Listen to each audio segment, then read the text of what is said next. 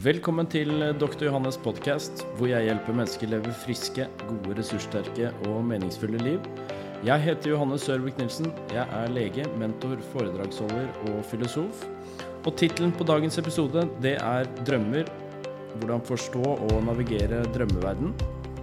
Drømmer er jo et veldig fascinerende emne som har en ganske stor dybde. Så mye av det jeg skal snakke om her i dag, blir jo en slags introduksjon. Men alle mennesker eh, drømmer, og drømmer er også veldig utbredt gjennom hele dyreriket. Så for de av dere som har husdyr, en katt eller hund, så har dere sikkert observert at mens de ligger og sover, så lager de masse lyder og bevegelser som tyder på at det er et eller annet som pågår mens de da er midlertidig borte fra denne verden. Hos mennesker så er det litt ulikt hvem som husker drømmer, og hvem som ikke husker det. Men selv om man ikke husker drømmene sine, så kan jeg garantere at det pågår drømmer allikevel. Så hva er egentlig drømmer? Drømmer det er en rekke tanker, bilder, følelser, sensasjoner som dukker opp mens vi sover. Og vi har jo to ulike søvntyper. Og drømmer er særlig prominente når vi har såkalt rem-søvn, som da står for rapid eye movement. Men vi har også drømmer, som de har funnet ut i senere tider, under det som kalles for non-rem-søvn. I Vesten så skiller vi mellom tre klassiske bevissthetstilstander. Våkentilstand, drømmetilstand og drømmeløs søvn. Mens i Østen så har de de samme tre, men i tillegg så har de en fjerde og femte bevissthetstilstand. Den fjerde heter turia, som er en ren, ubegrenset bevissthetstilstand. Og en femte, som de kaller for turia tita, hvor individet er fullstendig fusjonert med det de omtaler som en universell bevissthet. Vi har altså to typer eh, søvn som kalles for non-rem-søvn og rem-søvn. Hvor da rem har fått navnet sitt pga. de raske øyebevegelsene som pågår mens vi sover. Non-rem-søvn har ulike stadier som varierer med da dybde av søvnen. Stadie 1 det er hvor kropp og hjerne begynner å roes ned. Og når du ser folk f.eks. rykke til, eller at du merker selv at du rykker til når du er i ferd med å sovne, da befinner du deg i stadie 1 av non-rem-søvn. Stadie to er en litt dypere form for søvn, hvor kroppens aktivitet og temperatur begynner å reduseres ytterligere. Og dette er et stadie som er viktig for å lagre en del minner. Stadie tre av non-rem-søvn det er den dypeste søvnen vi har, hvor deltabølger begynner å dukke opp på EEG. Og i denne fasen så befinner kroppen seg i en veldig dyp form for avslapping, altså både kropp og hjerne. Det er lite øyebevegelser, og du har generelt sett en ganske lav sensitivitet til alle mulige slags stimuli som kommer fra utsiden. Så her, i denne fasen, er du veldig vanskelig å vekke. Den dypeste søvnen den er eh, kjempeviktig for at kropp og hjerne skal kunne restituere og reparere de tingene som ikke er i orden. Og denne non-rem-søvnen den starter med lange perioder som blir kortere og kortere jo lenger mot morgenen du kommer. Den andre søvntypen vi har, det er såkalt rem-søvn, som tidligere var den eneste søvntypen som ble assosiert med drømmer. Som jeg nevnte, så i senere tid så har vi funnet ut at vi drømmer under begge typer. Så første periode med rem-søvn den kommer etter første non-rem-periode og varer rundt ti minutter.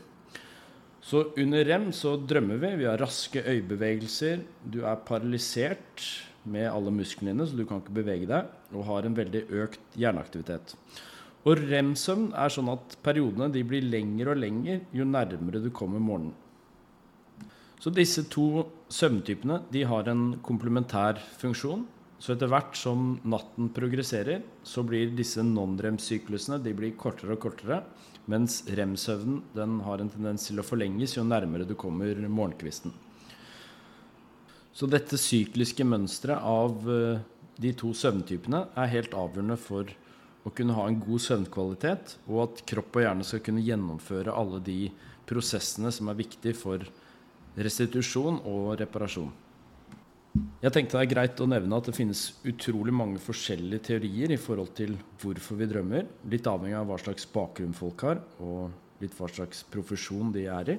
Og det er noen som mener at drømmer bare er helt tilfeldige tanker, bilder, følelser og sensasjoner som prosesseres, og at hjernen da lager en slags fortelling eller et narrativ ut av meningsløs informasjon. For det er hva hjernen gjør. Hjernen har utviklet seg for å finne ulike mønstre i verden, for å øke da evnen til å både overleve og reprodusere seg. Andre psykologer, som f.eks. Freud og Jung de mente at drømmer har en mye dypere betydning. Og at det er et vindu inn i underbevisstheten, en mye mer subtil verden, som kan gi tilgang til masse informasjon om hva som pågår i psyken. Og i Jungs tilfelle også til en slags kollektiv underbevissthet og en dypere symbolikk, som igjen forteller noe om hvordan psyken opererer. Og opp gjennom historien så har drømmer også blitt sett på som noe som spår fremtiden. Noe som kanskje ikke er så aktuelt i dag. Men vi har altså to drømmetyper.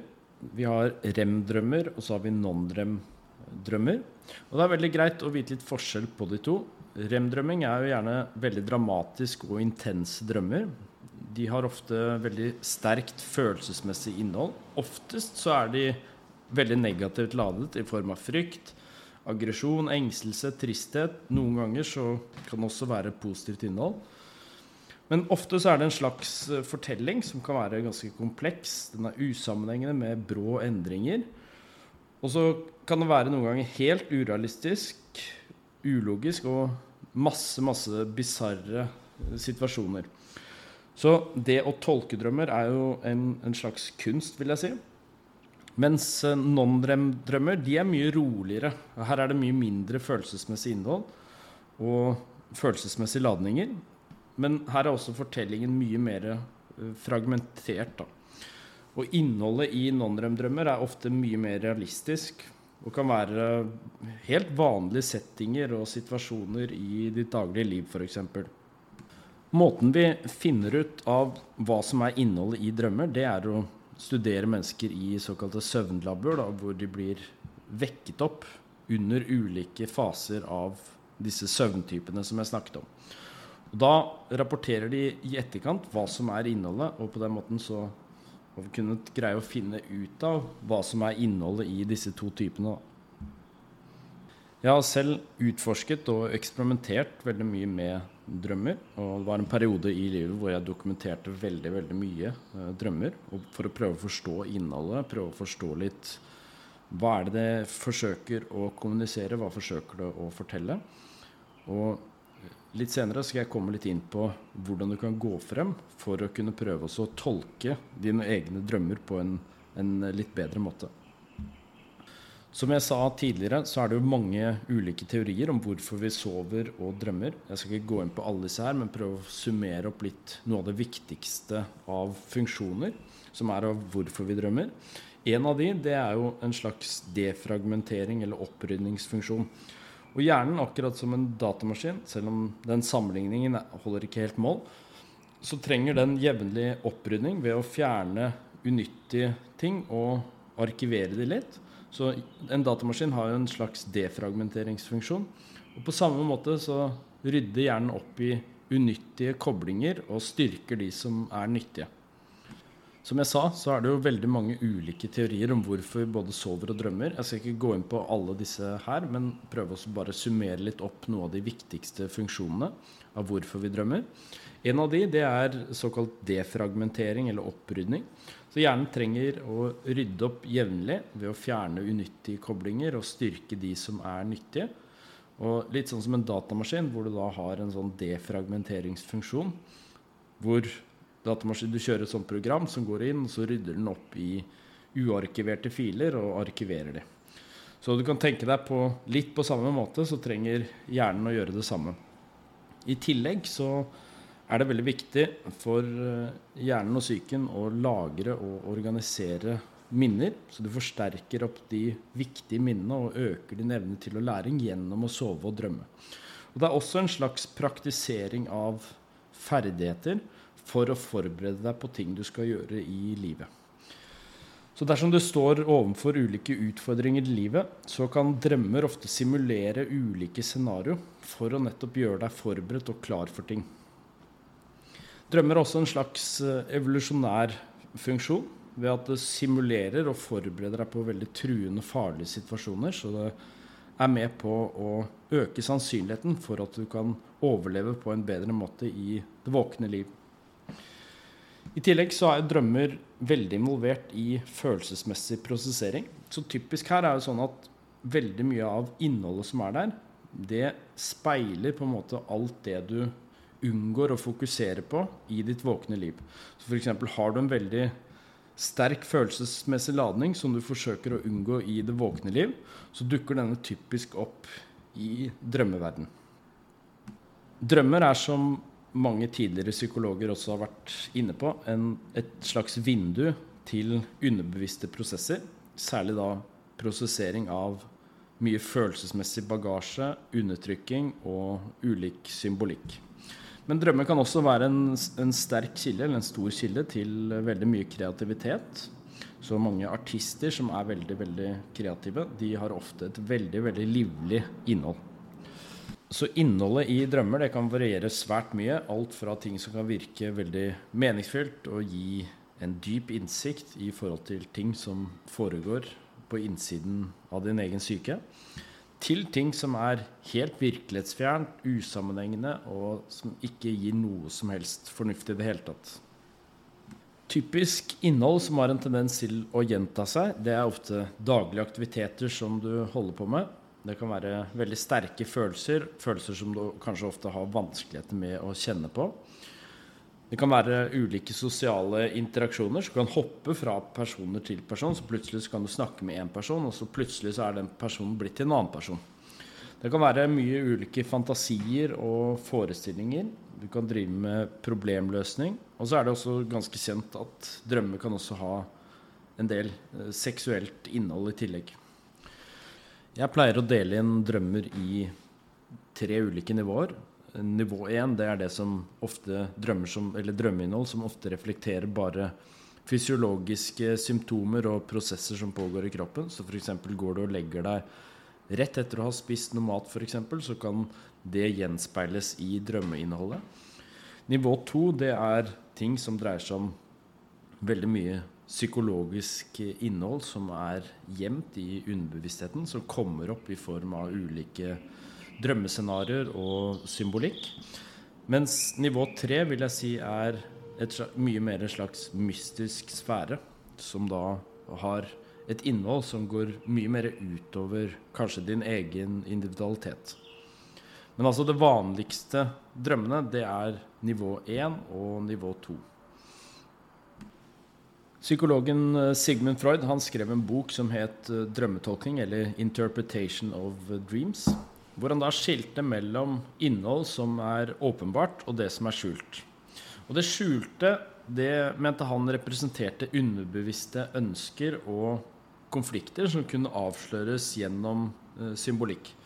Han mente også at drømmer var en slags kongelig vei til underbevisstheten og at de avslørte ting som ble skjult og undertrykket i det våkne liv. Så han var på mange måter en, en slags pioner når det kom til den måten å tenke på. Freuds tenkning utviklet seg jo ganske mye gjennom hans liv, men han var generelt ganske opptatt av, i hvert fall i forhold til drømmer, særlig dette med hvordan seksuelle og aggressive drivkrefter øh, var sentralt. Han mente at gjennom analyse av drømmer så kunne mennesker forstå sine egne underbevisste konflikter, som da ville føre til en større grad av psykologisk tilhelning. Så husk at Freud han eh, ønsket jo at ego og id skulle integreres, eller at det underbevisste skulle integreres med det bevisste.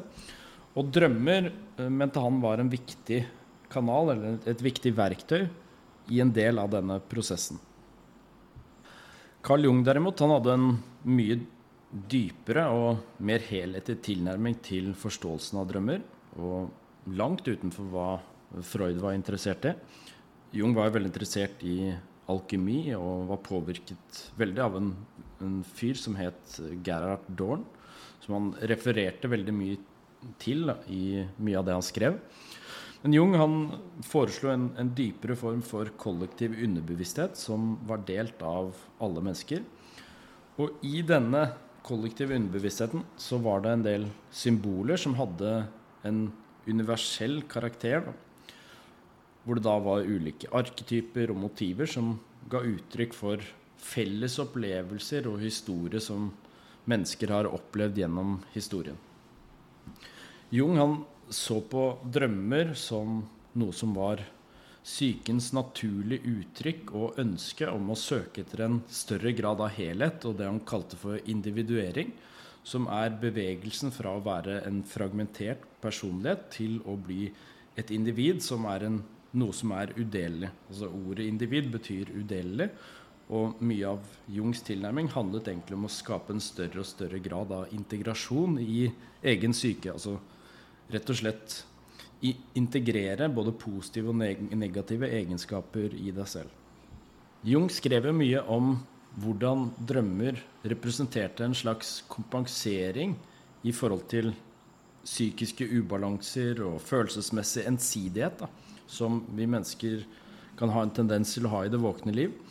Og drømmer er da en slags djevelens advokat, kan du si, som forsøker å avsløre alt du egentlig forsøker å undertrykke mens du er våken og lever ditt vanlige daglige liv.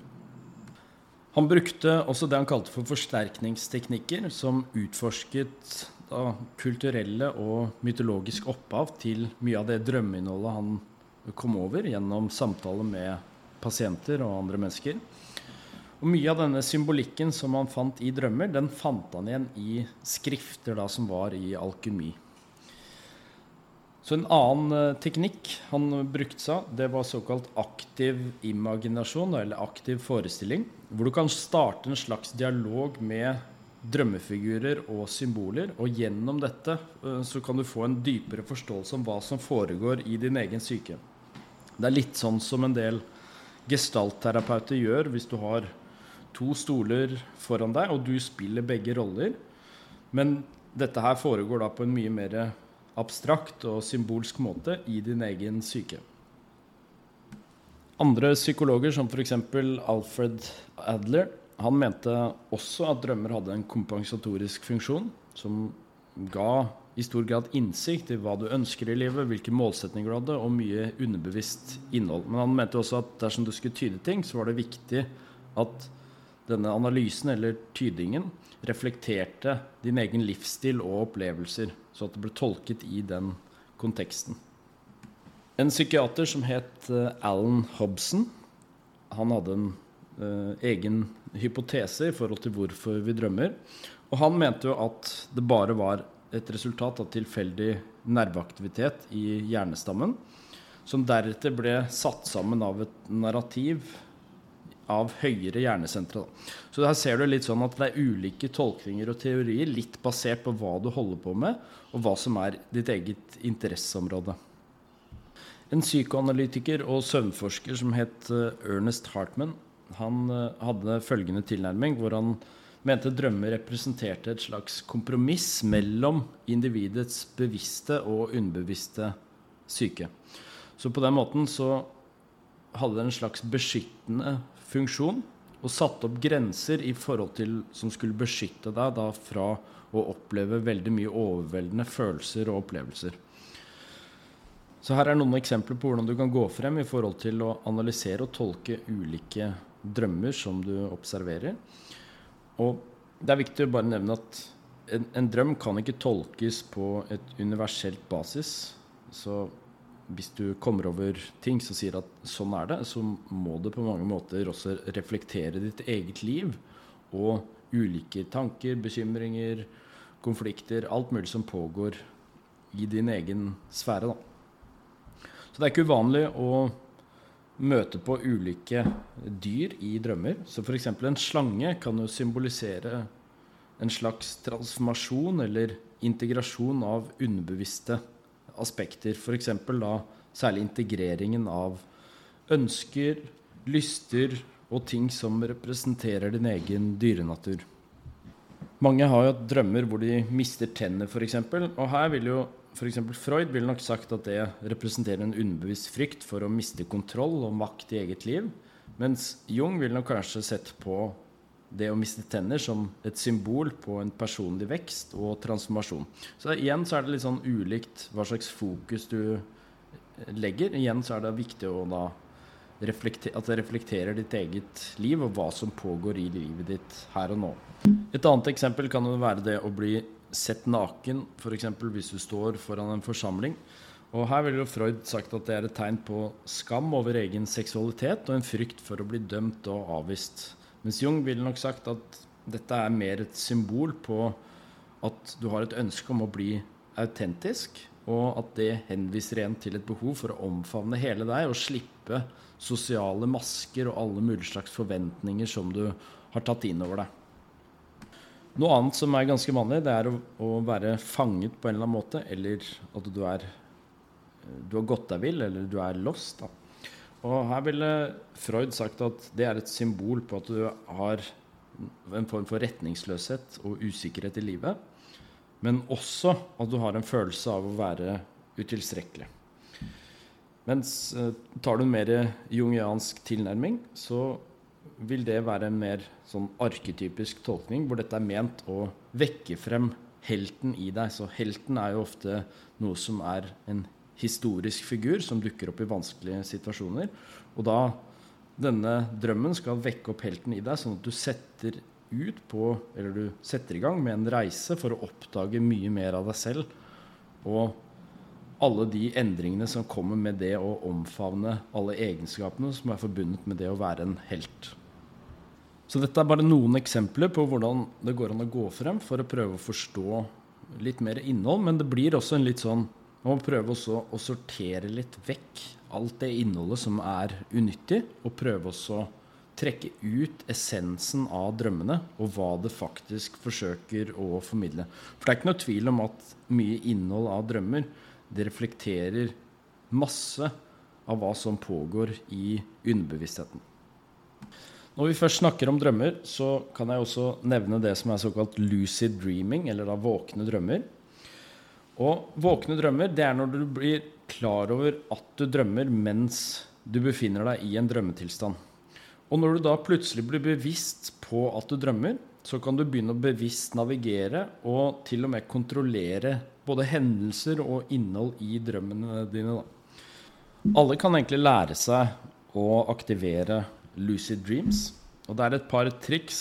Et lærte jeg gjennom en som heter Stephen LaBerge som innebærer å si til deg selv gjennom hele dagen 'Dette er en drøm. Dette er en drøm'.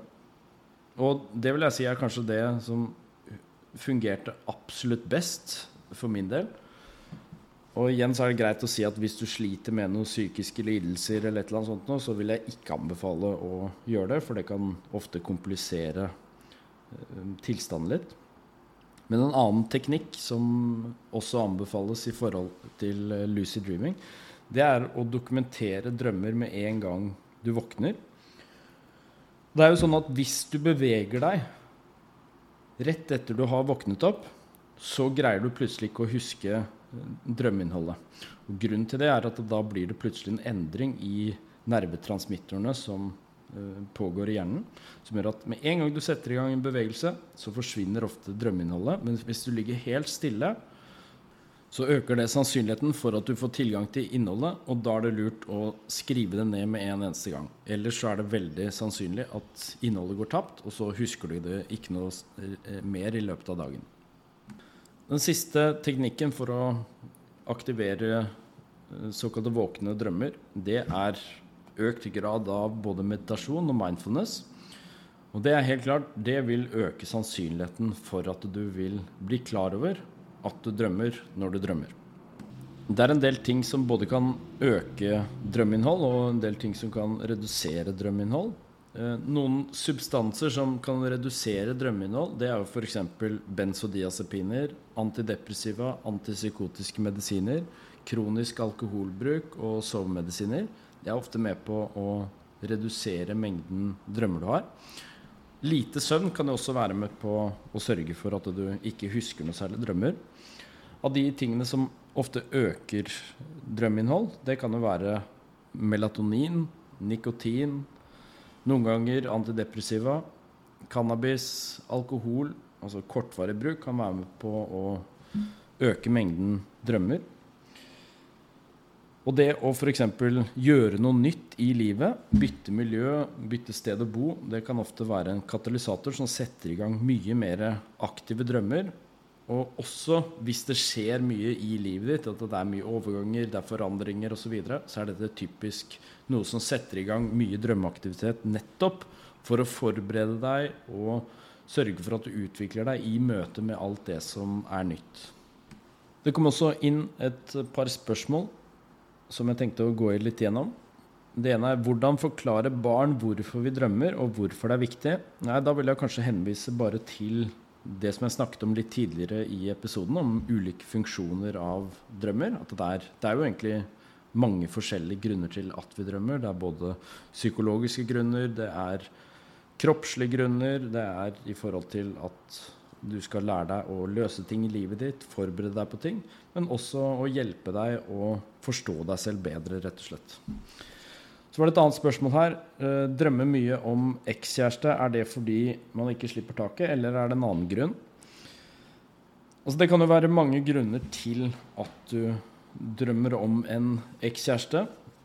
Men uh, oftest så er det jo kanskje fordi personen har en betydning i livet ditt. Det kan være én grunn. Og at du undertrykker det litt i det våkne liv. Det kan også være hva den personen representerer. Ikke sant? Så personen kan være et symbol på noe som du kanskje undertrykker litt i deg selv, som du trenger å få integrert mer i deg selv. Så det kan være ulike tilnærminger, men hvis jeg skulle gått inn og tolket dette her litt mer uh, utdypende, så måtte jeg hatt litt mer detaljer om situasjonen. Jeg vil bare takke deg for at du tok deg tid til å lytte til denne episoden. Jeg håper det har vært interessant, tankevekkende, at du har lært noe nytt, og at det kanskje har stimulert deg til å ønske å lære litt mer om emnet. Jeg ønsker deg en flott start på uken. Ta godt vare på deg selv, og sørg for å bruke tid på ting du kan gjøre noe med. Så høres vi igjen neste uke. Ha det bra så lenge. Takk for at du lyttet til denne episoden. Dersom du ønsker å sjekke ut flere av mine tjenester, temaer og produkter, gå inn på drjohannes.com, eller sjekk ut mitt todagers seminar innsidejobben.com, eller gå inn på Instagram at drjohannes med C.